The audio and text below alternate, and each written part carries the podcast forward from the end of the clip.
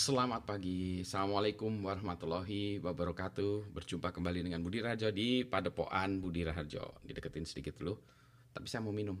Gimana? Jauhin dulu harusnya.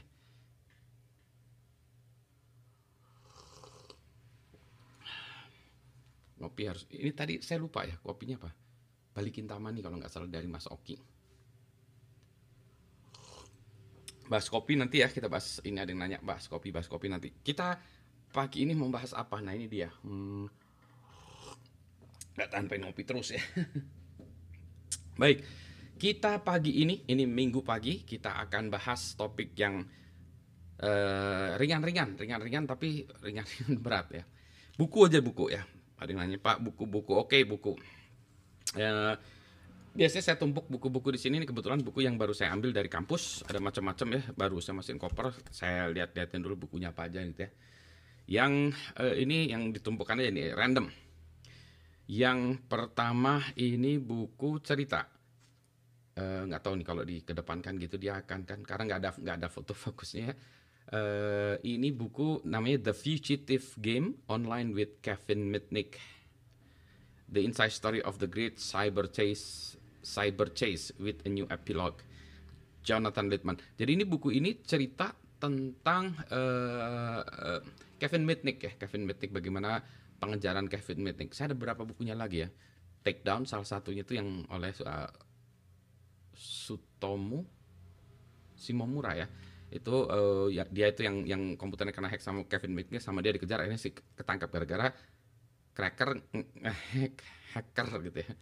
Ini ya bukunya tentang itu. Uh, ini kali ceritanya lumayan lah. Yang satu lagi dari ini ini Jonathan Littman bagus kalau nulis. Satu itu. Yang kedua, nah Kedua, ini buku bagus banget ini sebetulnya. Ini buku kuliah yang bagus. Kadang-kadang orang buku kuliah tuh nyebelin ya. Kalau ini buku kuliah bagus. Ini ada buku namanya Digital Image Processing. Uh, pengarangnya Gonzales, Rafael Gonzales dan Paul Wintz. Jadi saya buku ini saya pakai ketika saya kuliah S2 ngambil kuliah image processing. Ada satu pattern recognition, satu image processing. Nah, image processing ini digunakan kalau sekarang itu untuk uh, orang-orang computer vision ya, computer vision. Tapi ini dulu image processing generik karena zaman dulu computing masih kurang. Ya. Tapi computer vision yang kemudian di ini kan ke AI, yang yang kemudian uh, itu dieksekusi di perusahaan kami. Jadi kerjaan saya itu uh, adalah membina uh, engineers-engineers yang Uh, mengerjakan AI di computer vision. Nah, ini image processing, ini teori-teorinya. Jadi ada ada transformasi segala macam gitu ya. Bagus penjelasannya kalau untuk sebuah buku kuliah bagus banget ini ya. Untungnya bukunya uh, hardcover dan masih bagus luar biasa ini. Udah 20 Ini saya ambil mungkin tahun 19 8889 ya. Sebagian besar dari Anda belum lahir udah saya ngambil kuliah digital image processing. Ini bugusnya bagus ya. Jadi sekarang saya ngajarin beberapa orang untuk image processing pakai OpenCV segala macam. Nah ini sebenarnya teorinya ada di sini. Kalau kita ngajarkan sesuatu kalau tahu teorinya oke okay ya. Nah ketika saya uh, eh, S3 ini ada beberapa hal yang saya harus kerjakan. Oh ada bukunya yang lagi-lagi yang lebih keren ya. Uh, satu hal yang uh, ini terpaksa saya melihat uh, berbagai programming languages ya. Uh, dan kebetulan ada beberapa yang harus saya pakai namanya uh, meta language ya ML. Uh, ini uh, kemudian makanya saya harus belajar dulu. Eh functional programming itu apa? Masab nih ada satu, ada di programming language itu ada banyak masabnya. Salah satunya uh, masabnya functional programming ini uh, Richard Bird dan Philip Wadler Introduction to Functional Programming. Jadi kalau dulu bukunya kayak kayak gini. Bukunya mahal-mahal. Jadi mahasiswa bukunya ini bukunya mahal loh, asli loh. bukunya ini Introduction to Functional Programming. Terus bagaimana mengimplementasikan functional programming ya? Uh, ini dulu. Ini uh, Simon L. Payton Jones. Simon Payton Jones dia uh, menceritakan bagaimana mengimplementasikan uh, programming language ya. Sorry, mengimplementasikan uh, functional programming language. Gitu ya bukunya. Keren ya? Susahnya setengah mampus. Uh, saya ini terpaksa mempelajari computer science karena kepaksa ya.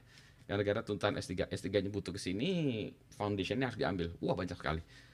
Uh, jadi S3 saya lama termasuk lama karena harus mempelajari banyak hal. Mempelajari dasar-dasar. Saya ambil kuliah S1 di computer science. Nah, ini buku ini yang keren. Nah, ini buku ini yang sebetulnya saya ingin bahas lebih hebat. Namanya Communicating Sequential Processor, CSP dari namanya C A R Hoar.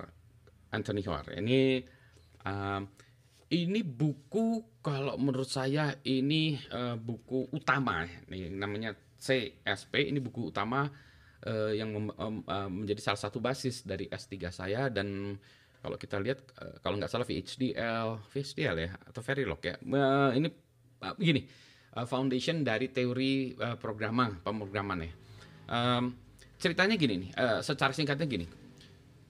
Kalau kita lihat kan ya, komputer itu kan binary ya, berasal dari logic ya, logic yang mana 01 makanya functional programming logic. Jadi komputer kan 010101 logic ya kalau di dalam elektro kita punya uh, apa ya ilmu-ilmu memproses logik ya boolean. Ya boolean. Uh, boolean aljabar. Ada aljabarnya ada matematiknya. 0 ditambah 0 itu kan or adalah eh, sorry uh, x ditambah y itu or. Berarti 0 tambah 0 0 0 tambah 1 1 1 tambah 0 1 1 tambah 1 1 or. Kalau n 0 0 dengan 0 0 0 1 0 n 1 0 1 n 0 0, 1 N1, 1 dan seterusnya. Jadi ada itunya. Jadi kan semuanya sebetulnya e, persamaan ya. Itu landasan di hardware-nya. Di atasnya di programming sama juga kan sebetulnya kan 0101 itu bukan sesuatu yang magic ya 0101. Artinya kan persamaan matematik. Jadi ceritanya kalau saya buat program saya buat persamaan matematik sesungguhnya. Berarti kan bisa dibuktikan kan ya.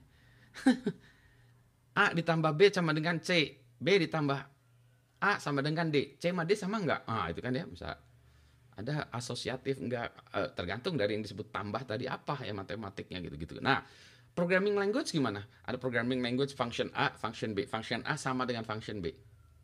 Bisa tahu functionnya sama nggak? Function A ditambah function B. Hasilnya kayak apa? Uh, kan kan persamaan ya. Jadi gimana ya? Nah, ini. Nah, kalau uh, kalau Anda uh, belajar programming ya, programming itu kan kita urut ya. Urut. Itu kan kita sebutnya urutan ya, sequential. Jadi sequential, sequential, sequential. Kalau ada saya punya satu programming ya, satu program ya, uh, sequential ini. Satu program lagi sequential di sebelah ini. Di, di, di katakanlah dua komputer yang berbeda. Bagaimana? Apakah bisa, mereka bisa berkomunikasi? Kalau sekarang jelas Anda bisa bilang bisa.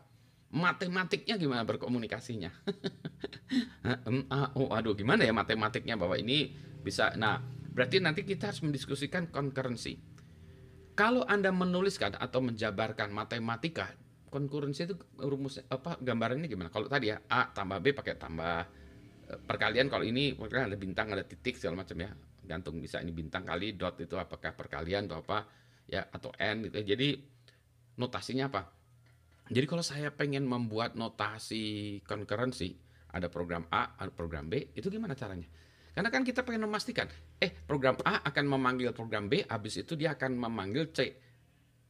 Kalau stucknya di B gimana? C-nya nggak akan dipanggil-panggil ya. Atau program A dan B sama-sama memanggil program C.